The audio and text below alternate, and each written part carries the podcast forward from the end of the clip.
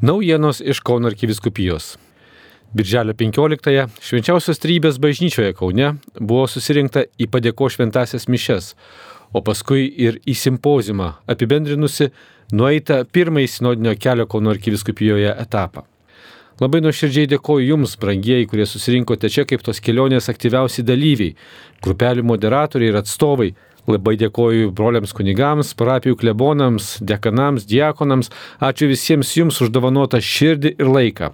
Drauge melskime, kad viešpats mus lydėtų, o mūsų kelionė toliau tęstusi dvasios pagavoje, sakė Kauno arkivyskopas metropolitas Kestutas Kievalas.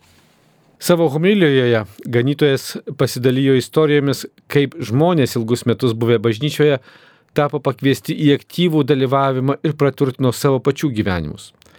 Šį simpozimą ir visą sinodinį kelią ganytojas pavadino vienu kitų padrasinimu dalyvavimui, kuris perkeičia žmonių širdis.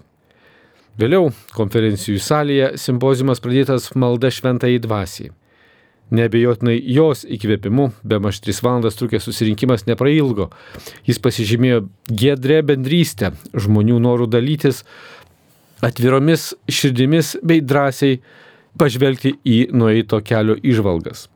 Simpozimo tikslas - aptarti per metus augintus vaisius, sakė arkiviskupas Kesutis, atkreipdamas dėmesį, jog šie vaisiai augo bažnyčiai vis labiau keliaujant kaip šeimai, per žmonių įsitraukimą, per susitikimus renktus įvairiose aplinkose. Simpozime aptartos trys svarbiausios temos išiškėjusios po gautų išvalgų iš bendruomenių. Tai yra, kas buvo žmonėms brangu bažnyčioje, kas joje skaudina ir kokią bažnyčią jie nori matyti ateityje.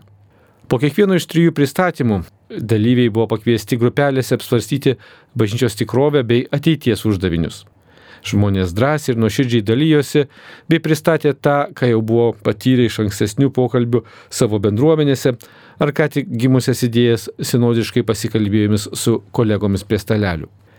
Sinodinės kelionės didžiausia sėkmė, kad draugė kalbamės apie bažnyčią, sakė arkiviskupas Kesutis Kievalas apie sinodą kaip ryškų žingsnį į priekį bažnyčios gyvenime, kai žmonės užkalbinami pasijunta svarbus, bažnyčios bendra savininkiai, o ne samdiniai.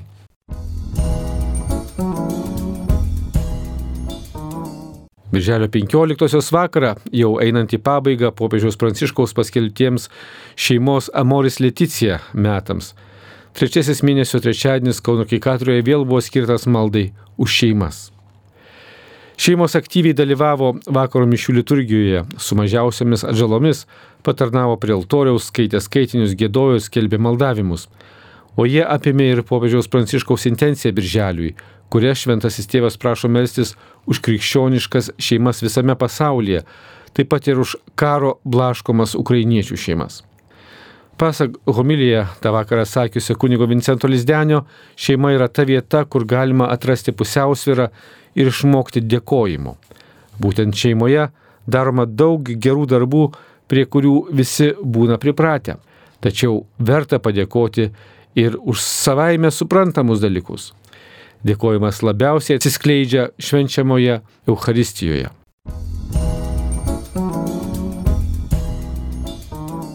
Birželio 26-osios sekmadienį 12 val. Kauno arkikatroje bazilikoje dėkosime Dievui už šeimos Amoris Leticija arba meilės džiaugsmo metus ir per juos patirtas malonės.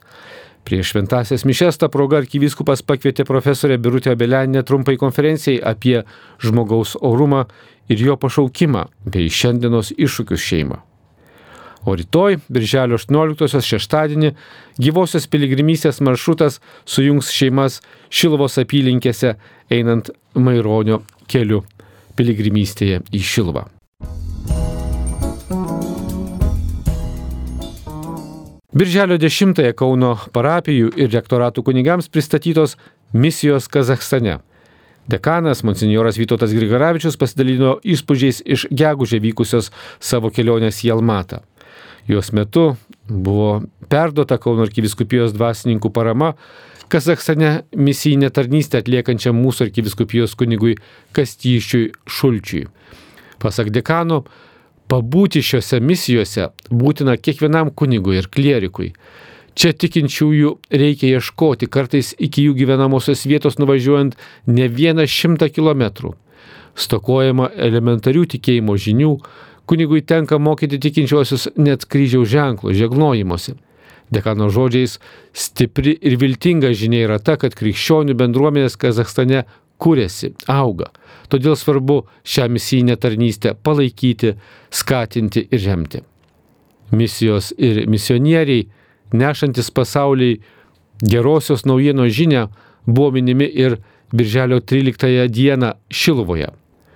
Almatos viskupijoje, kur kol kas nėra nei vieno vietinio kunigo, ten tarnaujantis mūsų kunigas Kastytis Šulčius papasakojo apie nacionalinę Ozernojos piligriminę Marijos šventovę Kazakstane.